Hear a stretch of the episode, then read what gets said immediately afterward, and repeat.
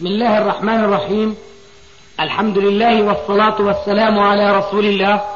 أما بعد فهذا أحد أشريطة سلسلة الهدى والنور من الدروس العلمية والفتاوى الشرعية لشيخنا محمد ناصر الدين الألباني حفظه الله. نسأل الله أن ينفع به الجميع. والآن مع الشريط الثاني والثمانين بعد المئة على واحد. بعد النهي عنه إنما يفيد الإباحة ولا يفيد الوجوب. فقوله تعالى فإذا قضيت الصلاة فانتشروا في الأرض. هذا الأمر بالانتشار في الأرض لا يفيد الوجوب وإنما يفيد الجواز والإباحة لأن هذا الأمر سيق لرفع الحظر الذي كان تقدم ذكره في أول الآية. يا أيها الذين آمنوا إذا نودي للصلاة من يوم الجمعة فاسعوا إلى ذكر الله وذروا البيع. هذا الأمر رفع بقوله تعالى أخيرا فانتشروا في الأرض وابتغوا من فضل الله. فهذا الأمر لا يفيد الوجوب لأنه جاء بعد إيه؟ نهي عن السعي في الأرض وعن البيع والشراء ونحو ذلك. كذلك مثلا قوله تعالى فإذا حللتم فاصطادوا. هذا رفع للنهي عن الصيد ما دمتم إيش؟ حرمة. فلما قال فإذا حللتم فاصطادوا الأمر هنا غايته أن يرفع الحظر الذي جاء في الآية السابقة. وهكذا هنا الآية الحديث.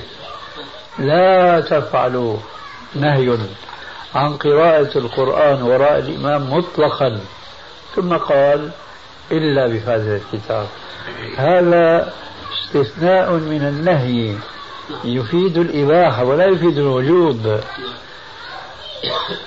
وبخاصة إذا نظرنا إلى رواية أخرى في مسند الإمام أحمد بالسند الصحيح يعطينا إشعارا قويا بأن هذا الأمر ليس فقط للإباحة بل للإباحة المرجوحة.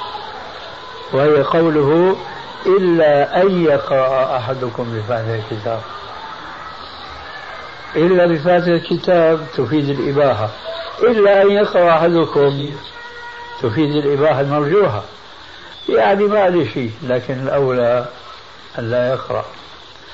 هذا هو الأسلوب العربي الذي نعرفه من استعمال. آه، إلا أن تكون الآية تجارة.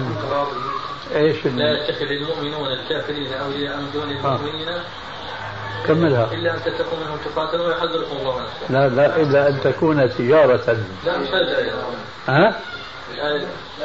أنا ما حددت لك الآية طلبت منك الآية التي فيها هذا الاستثناء ها؟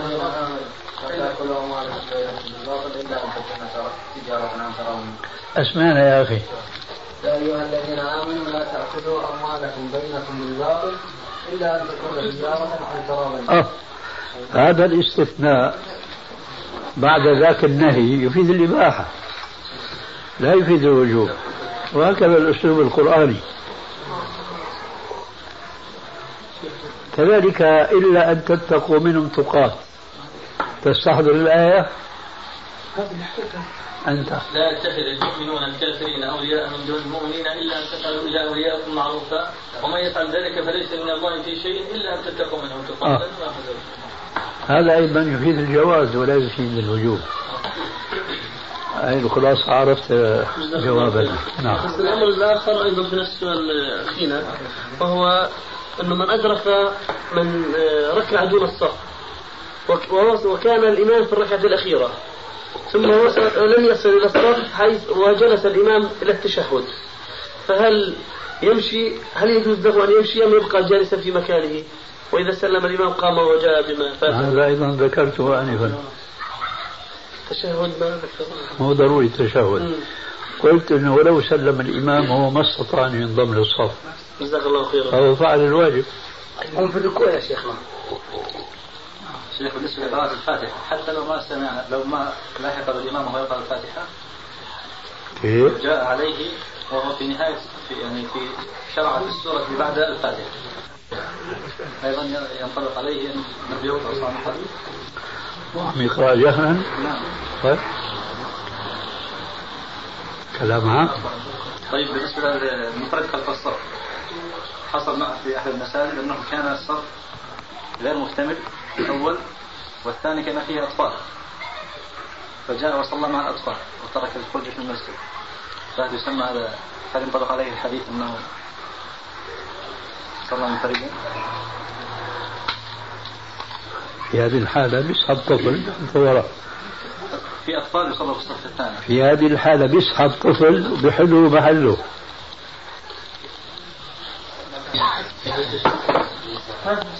مو مفهوم كلامي؟ لا فالسؤال ما كان مفهوم. موجود تفضل. الصف الأول غير مكتمل. والصف الثاني؟ فيه أطفال. فهو صلى مع الأطفال وليش ما كمل الصف الأول؟ هذا. جاء صلى مع الأطفال ويعرف أنه فيه فرجة. لا. هذا سبق الكلام. الذي تقبل صلاته إذا صلى منفردا هو الذي أفرغ جهده ولم يتمكن من الضم من الانضمام إلى الصف. هل هذا أفرغ جهده للانضمام؟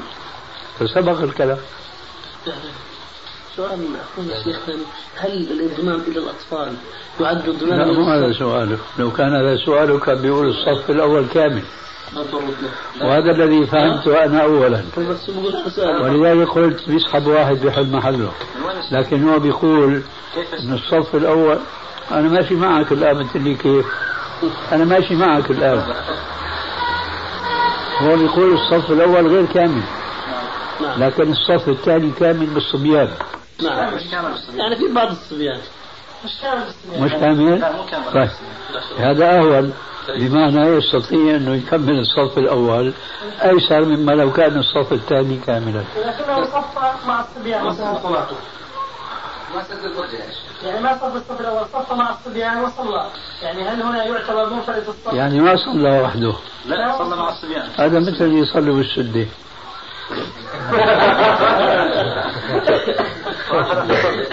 حصل شيء في مسجد عندنا فقلت له على الصلاة. إيه بناء على ماذا؟ على أنه صلى منفردا. وجد فرجة أنه وجد فرجة في انت الصف. عم تقول ما صلى هو وحده. معتبر الصبيان ما هم شيء ما- يعني ما, ما حسبت حساب الصبيان خصمهم واحد خصمهم من الحساب شيخنا بس أقول هذا إحنا كنا ضحكنا على جواب الشيخ زي اللي صلى بالسد وأنا متاكد انه غالبنا ما يعرف مقصود الشيخ لا الصلاة جائزة ولكنه آثم اي نعم هو كذلك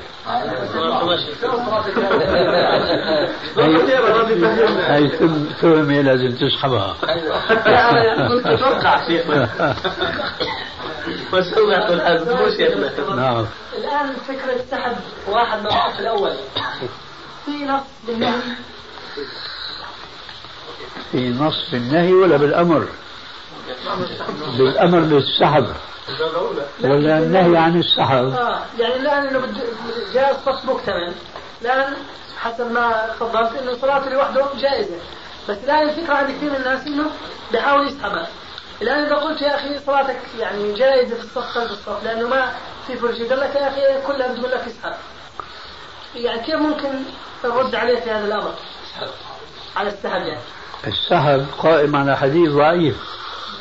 لكن ما عندنا نهي عن السحب أنت عم تسأل عن النهي. نعم. إيه. لكن النهي يؤخذ من القواعد العامة. الذين يقولون بالسحب مشان ما يصلي وحده في الصف يقول يحتجون بحديث يرويه أبو يعلى في مسنده بإسناد ضعيف لا تقوم به حجة أنه إذا جاء الرجل ويريد أن يصلي وحده أن يجر إليه شخصا بين يديه؟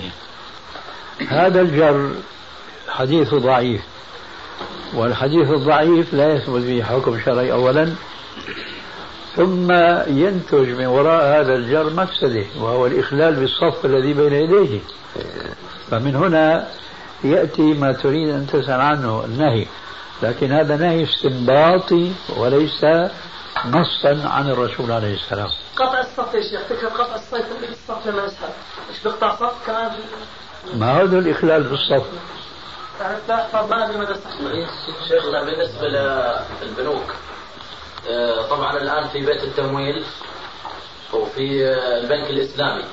طبعا هناك ناس بفتوا بالنسبة لموضوع البيع الأجل وخاصة عند في الكويت خاصة في بيت التمويل. ويحتجوا أن لابن تيمية رحمه الله شيخ الإسلام قول في هذه المسألة بالنسبة للفرس.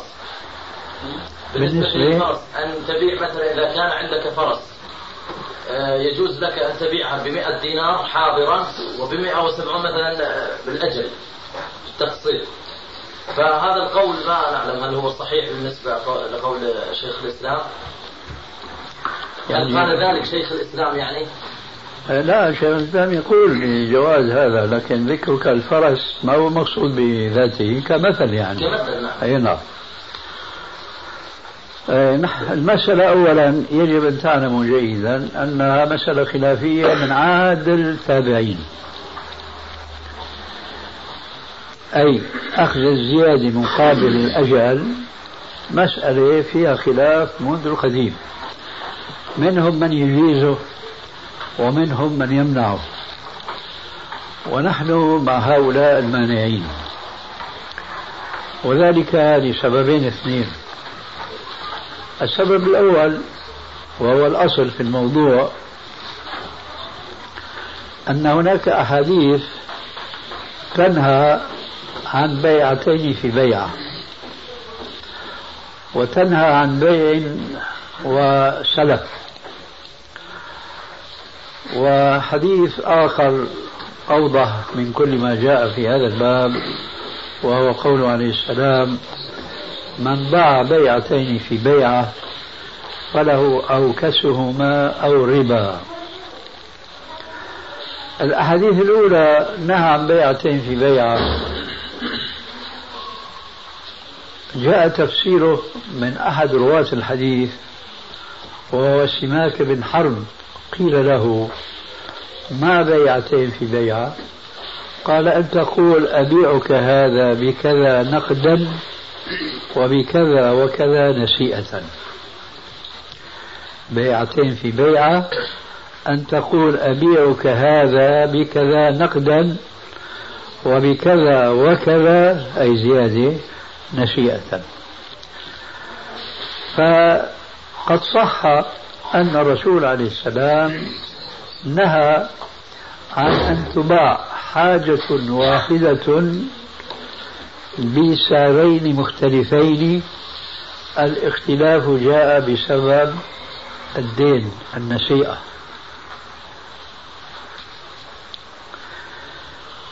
ثم اختلف العلماء. ما هو علة هذا النهي؟ الذين يذهبون إلى جواز بيع التقسيط يقولون النهي هو لجهالة الثمن. لأن البائع عرض ثمنين ثمن النقد وثمن الأجل. فالنهي هو بسبب جهالة الثمن. وهذا التأويل مردود بدليلين اثنين. الدليل الأول وهو الأهم أنه معارض للتعليل المنصوص في الحديث. الأخير من باع بيعتين في بيعة فله أوكسهما أو ربا. فإذا العلة الشرعية هي علة ربوية وليست علة جهالة الثمن. هذا هو السبب الأول.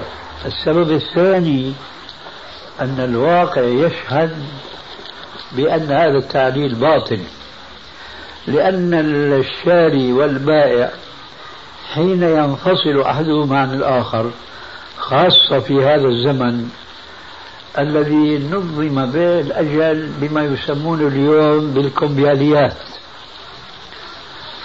فلا ينفصل أحدهما عن الآخر إلا وقد تحدد أحد الثمنين فوين الجهالة التي يدعونها؟ ما في جهالة في الموضوع أبدا. ولذلك بنوا على هذا التعليل المنقوض من الناحيتين الشرعية والنظرية الواقعية بنوا على ذلك صورة شكلية يعني منقوطة جدا. لأنها تشبه حيل اليهود. يقولون للشاري أنت لما بدك تشتري بالتقسيط لا تروح عند التاجر مثلا بياع السيارات تقول له قديش السيارة نقدا وقديش بالتقسيط؟ لأنه هيك تقع في مخالفة الحديث في الظاهر. لكن قل له قديش هذه السيارة بالتقسيط؟ هون ما في ثمانين. هيك زعموا ما في ثمانين فجاز. طيب لو أنه واحد وجد هذا السعر غاليا.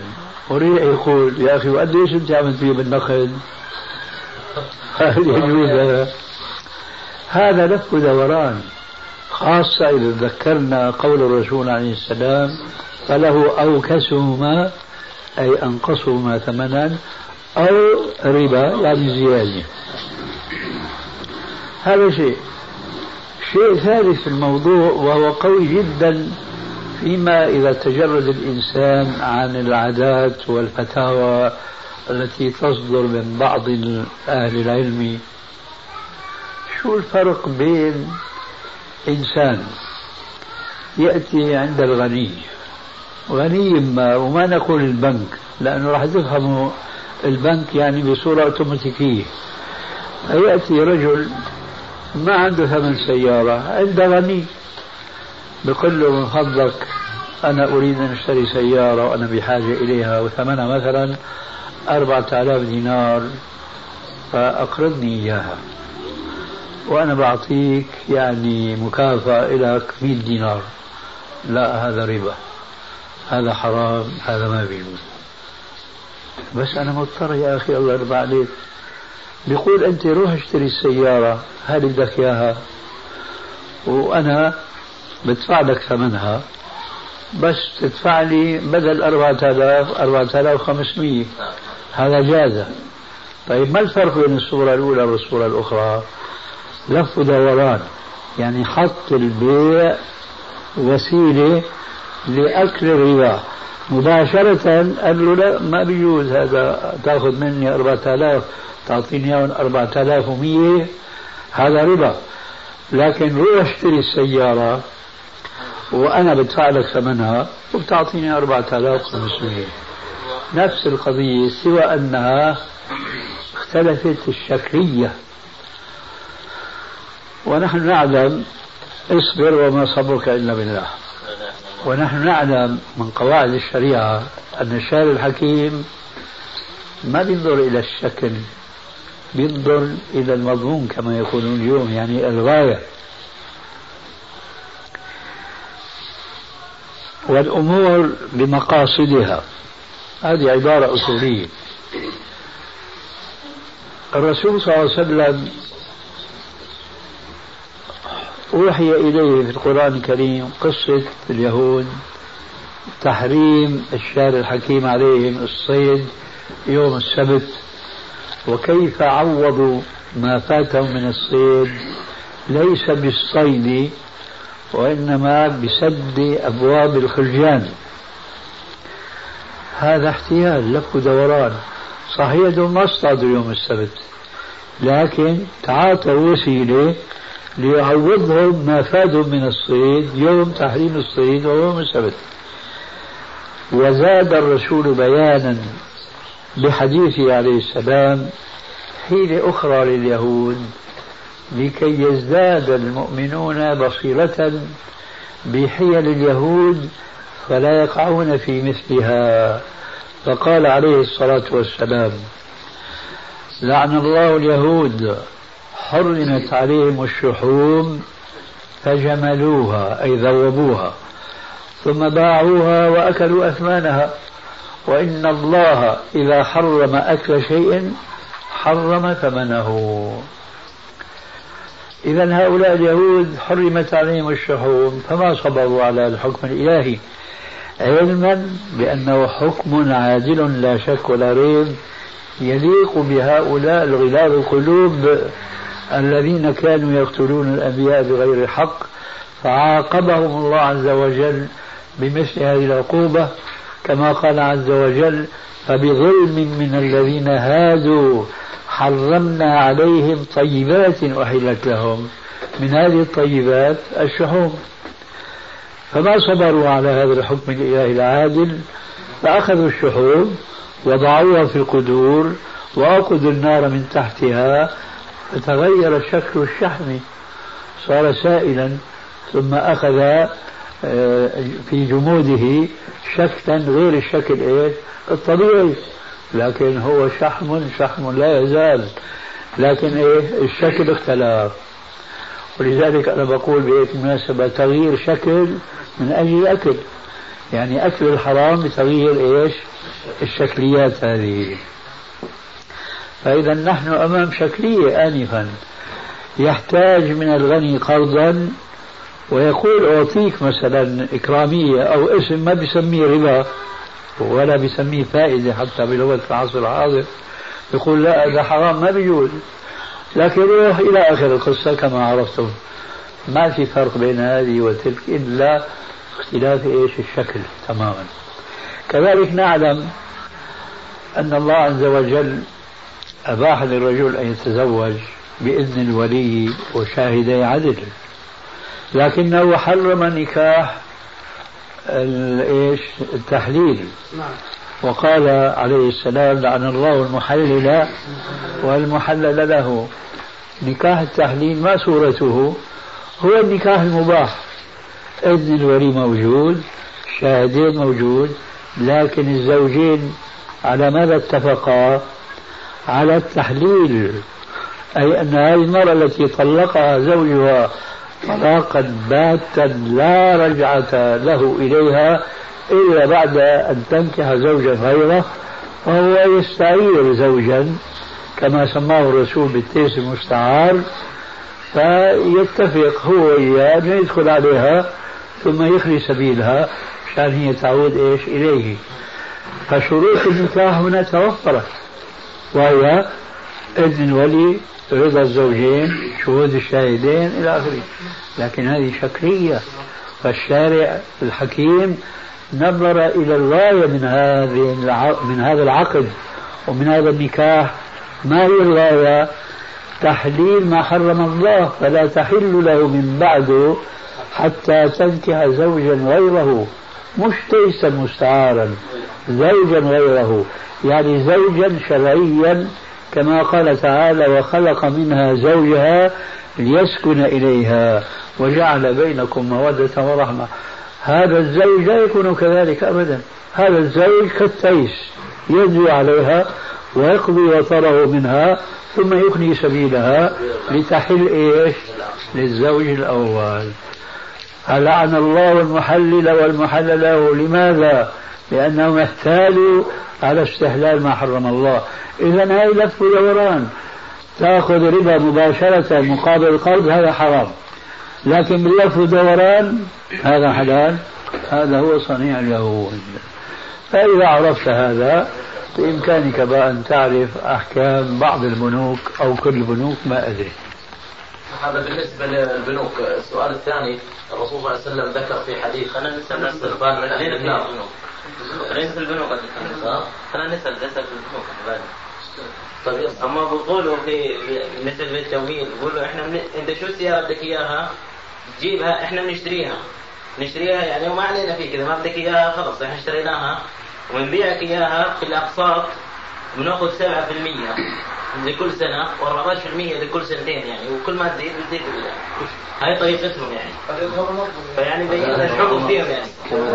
أبلة شوفي هاي نفس يعني هالصورة هي لكن زاد عليها شيء ما هي شوي ما أخذت الجواب مما مضى؟ أخذتها بس يعني بس قصدي إنهم يقولوا إحنا اشتريناها تملكناها ما علينا فيها. يا أخي معليش بروح عند الوكالة. ما بدنا مثال إنه البنك بيشتريها ولا غيره وكالة شركة سيارة من السيارات. بروح بده يشتري الشاري. بيقول له هي نقدا بكذا وتقسيطا بكذا. شو الفرق بين هذا وهذا؟ شو الفرق بين ما تفعله الشركات وما يفعله البنك الذي تشير إليه؟ لأنهم بيقولوا إحنا اشتريناها إلا بدنا نربح فيها. أنا اشتريت سيارة. أخي صاحب الشركة اشترى سيارات مشان إيش؟ يربح فيها. أنا ببيعها على الأقساط يعني أنا قصدي. أنا ما بتكلم على الأقساط الحين. لك يا حبيبي سين وجيم أنت عم تقول هذول البنك اشتروها مشان يربح فيها والشركات اشتروها مشان يخسروا فيها؟ نعم مشان يربح اذا شو الفرق بين الشركة والبنك؟ هذا اشترى البنك اشترى مشان يربح والشركة اشترت مشان يربح. فال- فالتقوا في الغاية وهي الربح والتقوا في المخالفة وهي أن ياخذوا زياده مقابل التقسيط لكن جاء في كلامك شيء ربما الشركات نفسها تقوم بهذه المعاملة. حتى البنك الإسلامي هنا يقوم بهذه المعاملة. أحد إخواننا أراد أن يستجلب آلة من أوروبا فذهب إلى البنك الإسلامي. قالوا له هاي بتكلف كذا وبدنا ربح كذا إلى نصف سنة. قال بلكي أنا ما بستطيع أنه أدفع إلى نصف سنة فأنا بدي أتفق معكم إلى سنة. فزادوا عليه في الربح. أليس هذا هو الربا يا جماعة طيب ما بدها سؤال بقى القضية نرجع للسؤال الثاني شيخ بالنسبة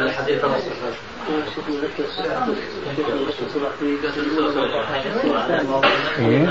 يقول ذكر السؤال وصلح في السنة الأولى و14 في السنة الثانية كون الربا ال- ربا ال- إيش؟ ها؟ ربا ولا ربا النسيئة؟ النسيئة. نعم تفضل وال والكاش هم لهم تأويل في هذه المسألة. يقولون الأصل الأصل إن اقساط يعني. الأصل مثلا 4000 اقساط هذا الأصل. لكن مين؟ مين وضع الأصل؟ هم الشركة. هم؟ هنا. مشان إيش؟ هذا تأويلهم يعني. عارف يا أخي لكن مشان, مشان إيش قالوا الأصل هكذا وما الذي يفيدهم؟ الأصل التقسيط أليس كذلك؟ عندهم؟ طيب. واحد يجي بيقول له أنا بدي أدفع كاش نقدا آه شو بيقولوا له؟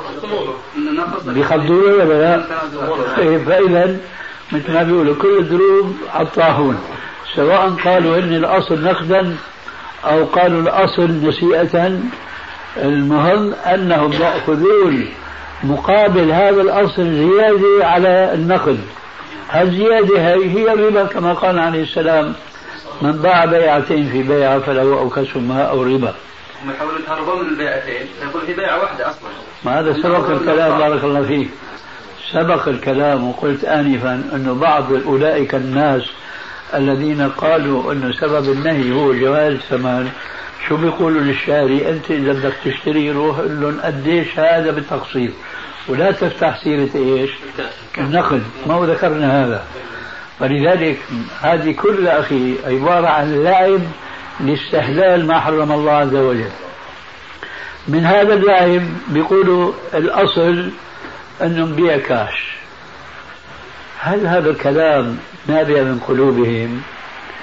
لو سألت هؤلاء الذين لم يضعوا هذا الأصل أو نقول بعبارة أوضح لم يوحي الشيطان إليهم بعد أن الأصل في بيعهم هو التقسيط. لو سألتم ليش يا أخي أنتم تأخذوا زيادة مقابل التقسيط بيقولوا لك نحن عم نعطل أموالنا. تعرفون هذا الكلام ولا خافي؟ معروف جدا. آه. فإذا نحن مقابل تعطيلنا لأموالنا نأخذ زيادة مقابل التقسيط تعرف هذا أنت ولا لا. أقول الناس الذين يبيعون بيعتين في بيعة. إذا قيل لهم لماذا تأخذون زيادة مقابل التقسيط بيقولوا لأن أموالنا تتوزع وتذهب بسبب بيعنا بالتقسيط فنحن بدنا نعوض التعطيل لأموالنا لرؤوس أموالنا بهذه الزيادة القليلة التي نأخذها مقابل التقسيط تعرف هذه الفلسفة التي يقولونها؟ عجيب لا معروفة معروفة أصلا عندهم. ها؟ أنا شخصيا إيش يقول يعني معروفة.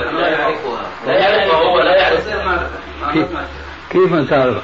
أنا لو سألك سائل ليش هؤلاء بيبيعوا بسعرين ما بتعرف ليش؟ قلت لك التأويل هذا اللي سمعت التأويل الوحيد. لا مو بحثي عن الناحية الشرعية. بحثي عن الناحية الواقعية. يعني هذا التاجر ليش ببيع بالتقسيط بزيادة عن النقد؟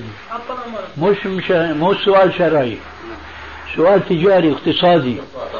لماذا يبيع التاجر السيارات أو البرازات ثلاجات أو إلى آخره بزيادة في الثمن مقابل التقسيط؟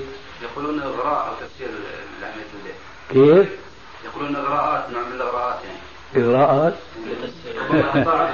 هذه سبقتهم في هذا.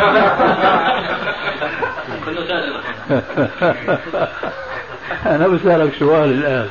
وهذا قلته مرارا وتكرارا لكن ما سمعت هذا الجواب. إذا كان عندك تاجرين لسيارة من وكالة واحدة واحد ببيع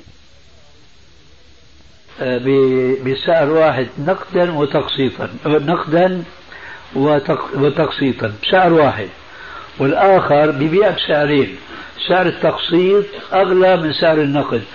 أيما في إغراء أكثر؟ الأول. فأنت كيف قلبت القضية؟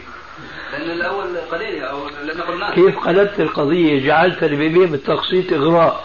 بينما هو أن يبيع بسعر النقد هو الإغراء. شيخ كثير من الناس يتصاعبون إن يشتريها يعني نقدا. نعم زيادة شيخنا. من حيث تسهيل الدفع فقط. تسهيل الدفع يعني ما فهمت علي الظاهر. أنا التاجر. شايف؟ وهذا صاحبي تاجر ثاني. هذا عنده نفس البضاعة اللي عندي. هو بيبيع للناس جميعا بالسعر اللي ببيع أنا نقدا. ها؟ ببيع بالنقد والتقسيط لجميع الناس بالسعر تبعي سعر النقد. أما أنا فأبيع بسعر التقسيط أغلى من سعر النقد. الزبائن بيجوا لعندي ولا بيروحوا لعنده؟ ها؟ طيب. فشو دخل هذا بقضية؟ إنه لا يستطيع. هن ليش بيروحوا لعنده؟ لأنه ما بيستطيعوا هذول الفقراء والمساكين ما بيستطيعوا يشتروا بالسعر تبعي اللي هو زيادة. فبيروحوا لعنده أكل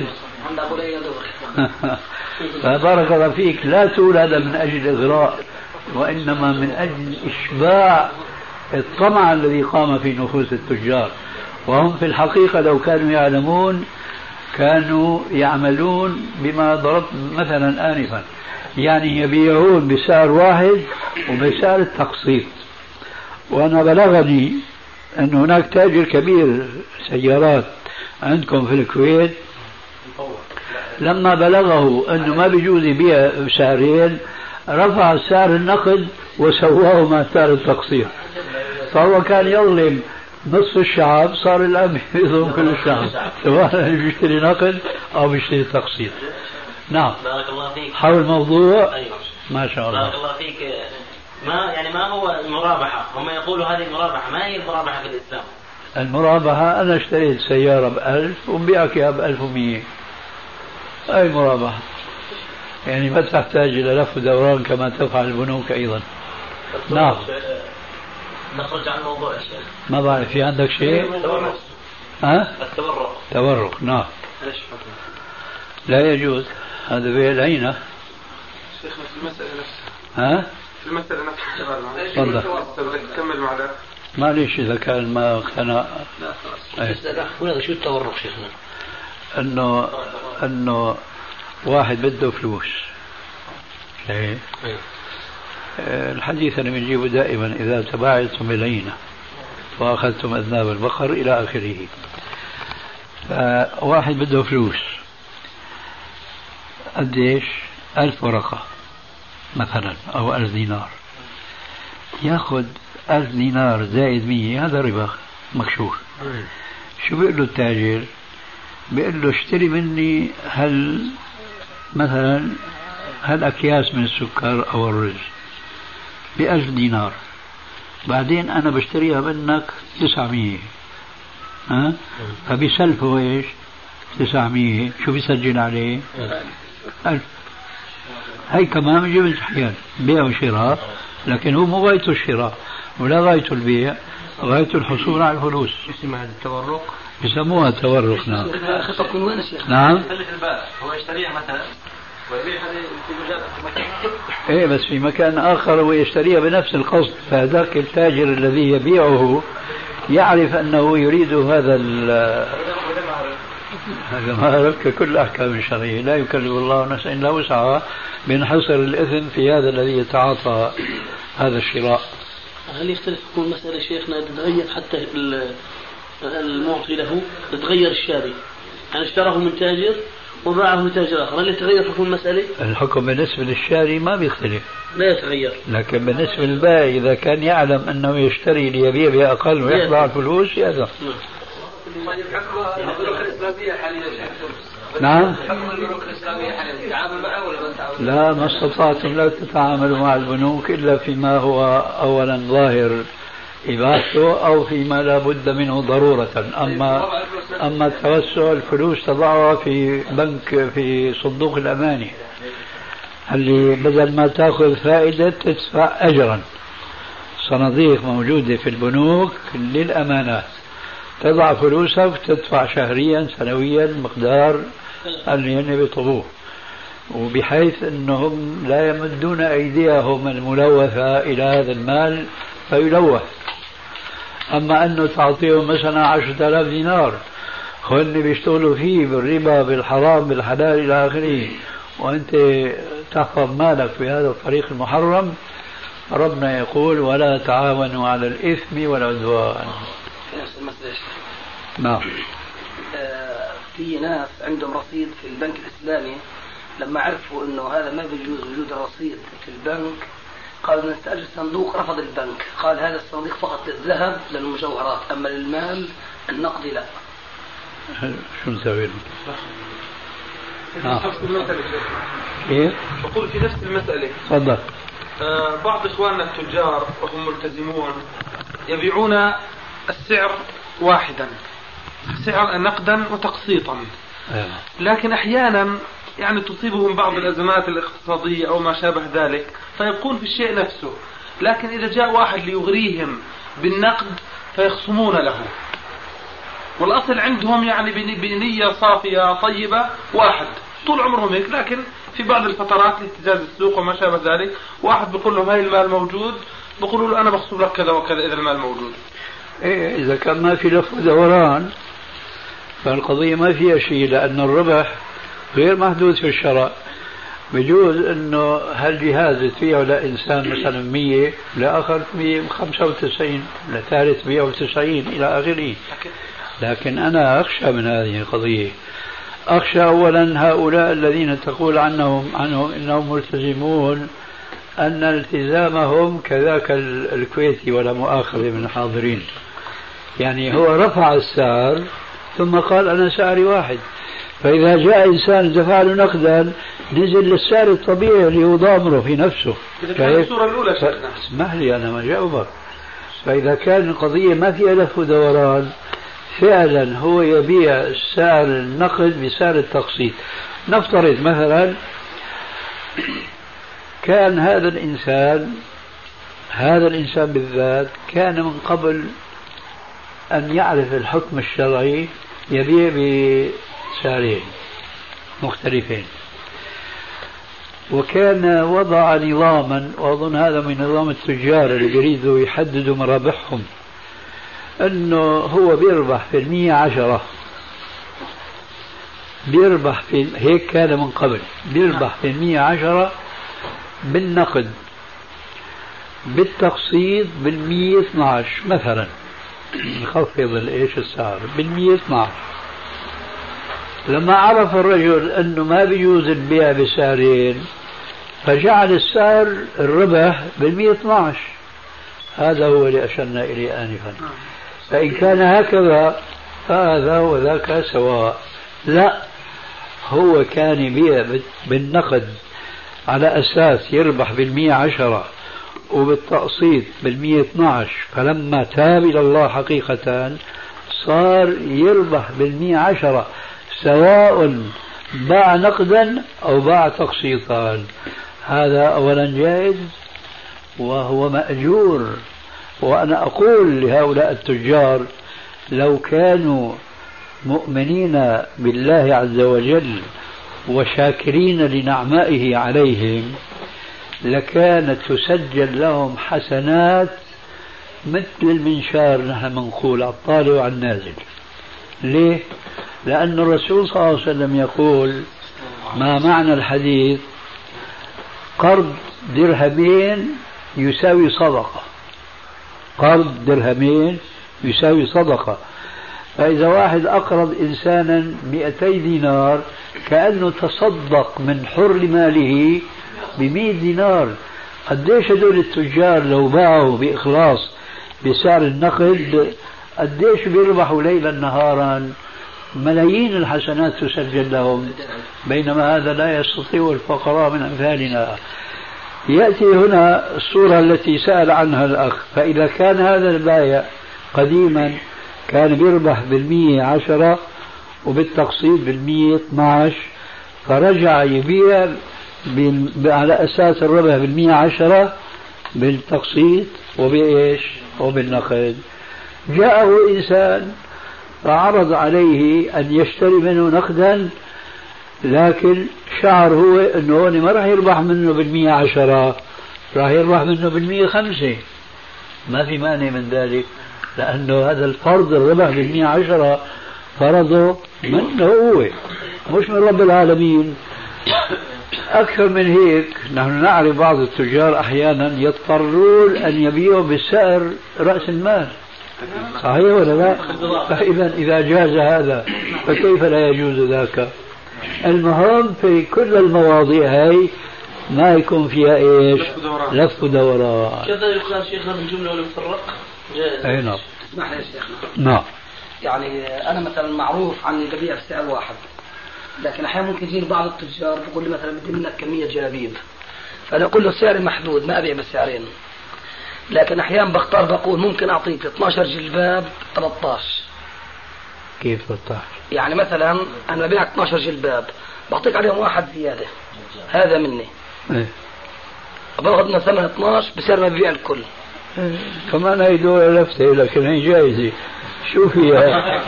يعني هلا ثمن الجلباب آه مضبوط في فرق. ثمن الجلباب 13 قديش ثمنه؟ 130 دينار. الجلباب لا لا ال 13 ال 13 زايد يعني أنت بتبيع 12 نعم. فاعطيته واحد هو رقمه 13 نعم. هالجلباب الواحد هذا؟ قديش ثمنه؟ 10 دنانير. طيب 10 دنانير. قديش مجموع ثمن 12 120 120 شو الفرق بين بعته ب 110 أو بعته 120 وأعطيته جلباب فوق في منه فرق شيخنا عنده؟ أنا ما أظن في عنده فرق. أنا بدي اسال صاحب العلاقة. شوي معلش. معليش أنت بتحكي. فيما بعد. في فرق عندك؟ نعم يا شيخ في عندي فرق. آه. وهو؟ يعني لو الرجل أضطر إنه يخصم بقول لا ما بديش غير 12 فأنا أرفض ان ابيعه لا تفرض فرضية. لا تفرض فرضية. شو الفرق بين ما لو فعلت كذا أو فعلت كذا؟ شو الفرق؟ أنا كأني اجد فيها فرق. قل لي شو هو الفرق استعمل الله بده يستبدل شو الفرق طيب بلكي بمدك صاحبك في المدارس. شيخنا لو خصم على كل جلباب دينار بمعنى إنه يعني مشان يطلع حق الجلباب الزائد بتوفيش مع مش بتوفيش معاه بقل ربحه. هو الجلباب عليه أقل. سامحك الله كل دروب لا الطاحون هو الجلباب عليه أقل أستاذي. لا، لا. يعني لما يعني الجلباب عليه بجوز يكون بسبعه فلما يخصم 10 بوفر ثلاث دنانير لكن هو راح يبيعه. ما, ما هذا اشترى راح يش- يشتري غيره. بجوز هذا يخسر البيعة كلها من أجل الجلباب. مين هو يخسر؟ نفسه.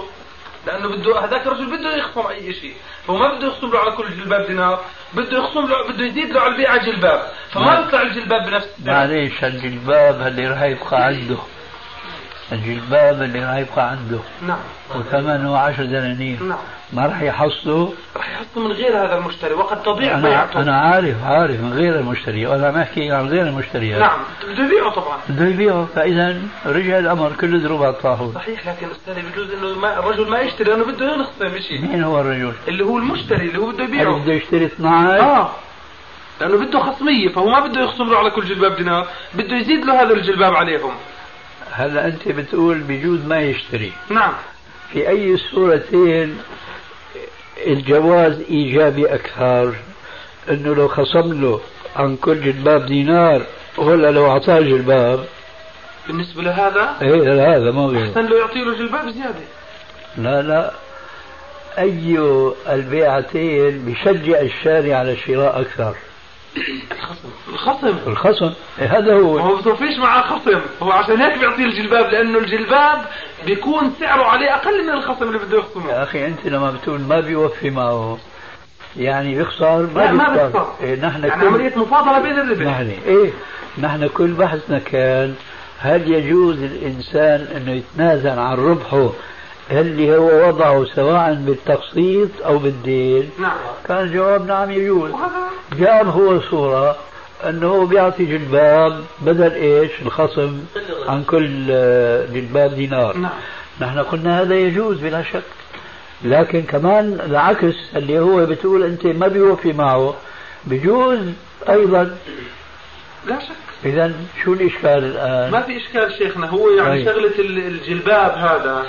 لما يدفع الجل... لما يعطيه الجلباب هو بيكون موفر بلاش نقول إنه ما بوفر معاه بيكون موفر على حاله ثلاث دنانير. لأنه بجوز يكون عليه الجلباب سبعة. بعكس ما لو يعني خصم عن كل جلباب دينار. هذا صحيح يا أخي لكن أنا بالنسبة له بقول هالجلباب إن ما أخذ ثمنه من هذا الرجل كله حياخذه من غيره.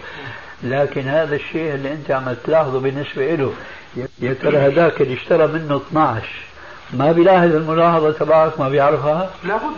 بيعرفها طبعا فإذا هو إن أعطاه جلباب أو خصم له عن كل آه، جلباب دينار هذا جائز وهذا جائز ما دام أنه هو وضع سعر على الطريقة الشرعية اللي ذكرناها نعم مش على طريقة لف اللف الدوران. هذا هو. في شيخ فرق هو في فرق شيخنا ما انتبهوا لك عليه كمان نعم. ما شاء الله. ابو احمد أيوة. لما يبيع ل- لأي امرأة أو أي رجل أو أي أخ من إخوانه احكي لهم أنا سعر محدد.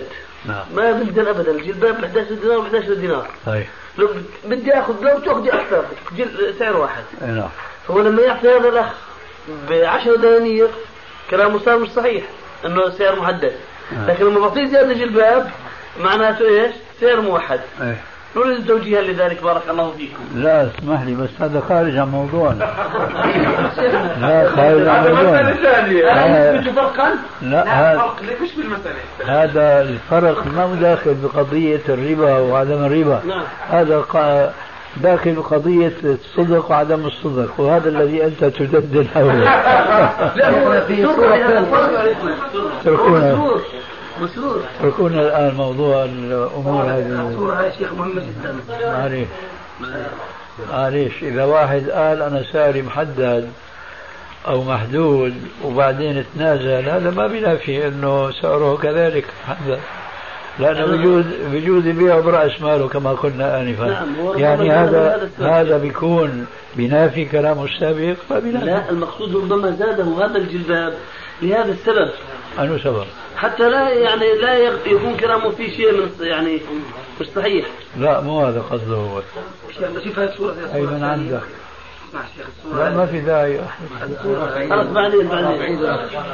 تفضل. إذا صادف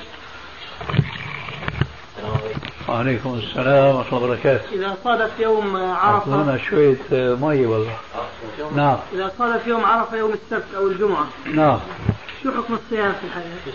متى إذا صادف يوم الاثنين يوم عيد. شو حكمه؟ يوم الاثنين يوم عيد؟ إيه. ما نصوم كما ما منصوم يوم عرفة يوم السبت. جزاك الله خير. هذا ايسر راضي فيها بس هو راضي فيها جواب هو في رضا. لا في رضا.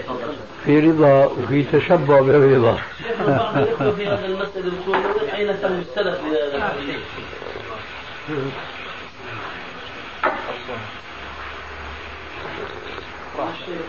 الشيخ أقوى في خمس عند أخونا أبو عبد الله في المسألة إذا أردت. هذه مطروحة أي نعم. بتوسع كمان البركة شو صراحة؟ نعم. شو طرحت؟ زدنا وضوحا بها بس بس لاحظ ما يكون اللي طرحته مطروحا. الآن؟ لكان بعد الجلسة؟ لكان بعد الآن لا والله. لا ما يكون مطروحا أرضا. لا لو زدنا وضوحا يا شيخ الله يجزيك. نعم. يعني لو زدتنا بها وضوحا يعني. يمكن هو راح يجيك الوضوح الآن. اسمع من صاحب إن شاء الله هذا محتاج الوضوء. شوف السهم توجه انتبه وحمد. على راس الميكروفون محرم أنزلك مثلك. إيه. نعم سيدي. شو سؤالك؟ سؤالي نحن دائما ندندن حول كتاب وسنة بفهم سلف الأمة. إي نعم. فبعضهم يقول يعني فهم سلف الأمة لهذا الحديث. نعم. عما تنقلون من سلف الأمة أنه قال بظاهر الحديث؟ إيه. نحن أجبنا عن هذا. لكن طبعا السائل الطارح للسؤال ما كان حاضرا. نعم جوابنا من ناحيتين. حينما نقول أن نحن سلفيون ولا نقول بقول إلا أن نسبق إليه أظنك تعلم أن هذا نقوله في فهم النص الذي يمكن أن يكون له أكثر من وجه واحد آه. وبخاصة أنه أنا أنا شخصيا كما هو معلوم أعجمي الأصل فأنا أتهم نفسي والعرق دساس ولذلك فلما بيكون في هناك نص يحتمل أكثر من وجه فأنا أجبن حين ذاك إلا أن يكون لي سلف. أما إذا كان الأمر واضحا مثل ما جرى البحث آنفا في قوله تعالى وإذا حييتم بتحية فحيوا بأحسن منها. هاي ما بدها من سبقنا إلى القول بحيوا بأحسن منها. عرفت كيف؟ لأن هذا نص صريح. وفي مثل هذا يقول الإمام الشافعي رحمه الله وكنت ذكرت نصه في ذلك في آداب الزفاف حينما ناقشنا الجماعة الذين يقولون بأن الذهب كله حلال للنساء. آه، نقلت كلام ابن القيم والإمام الشافعي إلى آخره أن الحديث يعني الحكم يثبت به وحده وليس بحاجة أن يدعم بعمل بعض أهل العلم. نعم. وأنا أفهم من هذا الحديث الذي يكون هكذا واضحا. آه. هذا الجواب رقم واحد. الجواب رقم اثنين أن أحدا من هؤلاء المتعصبين الذين لم يطرأ على مسامعهم هذا الحديث إلا في هذه الآونة الأخيرة. لا تصوموا يوم السبت إلا فيما افترض عليكم. ولو لم يجد أحدكم إلا لحاء شجرة أو عنبة فليضغه فوجئوا بهذا الحديث ولسان حالهم وبعضهم قد يكون لسان قالهم. ما سمعنا بهذا في آبائنا الأولين. فيبدأون ويطرحون إشكالات. أنت بتقول أنه نحن لا نعمل بالحديث الذي لم نسبق من أحد إلى العمل به. كيف أنت بتقول هكذا؟ جوابنا رقم اثنين. عرفنا رقم واحد. هل أنتم تدعون الإجماع على صيام يوم السبت لأنه كان فيه يوم عرفة أو يوم عاشوراء أو أي يوم فضيل عادة؟ ما يستطيعون أن يدعوا الإج- الإجماع على ذلك. هذا يريحنا ويكفينا دفعا لشبهتهم لأنه هم يقولون بالإجماع. فنحن بالأولى أن لا نقول بالإجماع. إذا طلبهم ساقط. نعم. آه. الجواب رقم ثلاثة وهو الأخير.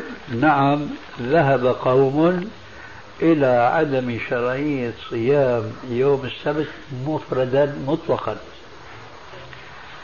وهذا مذكور في يقينا في كتاب آه، شرح المعاني آثار الإمام جعفر الطهاوي ولعله مذكور أيضا في بحث قديم كنت قرأته في كتاب اقتضاء الصراط المستقيم وخالفة أصحاب الجحيم لابن تيمية. بداية المجتهد شيخنا أشار بداية المجتهد أشار خلاف المسألة. المهم المسألة خلافية والإمام الطحاوي ينقل هذا عن قوم من أهل العلم. نعم. فإذا لسنا منفردين بهذا. ينقل عدم إفراد يوم السبت. أي نعم. فينقل عدم جواز آه، صيام يوم السبت. هو هذا. نعم. أي نعم. شيخنا نعم. ألم فتي عبد الله بن بسر لمن سأله كذلك هذا يساعدنا في الموضوع. هذا تنصيص. هذا يساعدنا في الموضوع. هناك حديث نعم. رواه ابن لهيعة مرفوعا ورواه غيره ممن هو أوثق منه موقوفا. على راوي الحديث الأول لا تصوموا يوم السبت إلا فيما افترض عليكم وهو عبد الله بن بسر وهو آخر صحابي مات في الشام. يقول عبد الله بن بسر هذا آه، صيام يوم السبت لا لك ولا عليك. نعم. ونحن معشر السلفيين نفهم من قوله لا لك أي لا يشرع لك.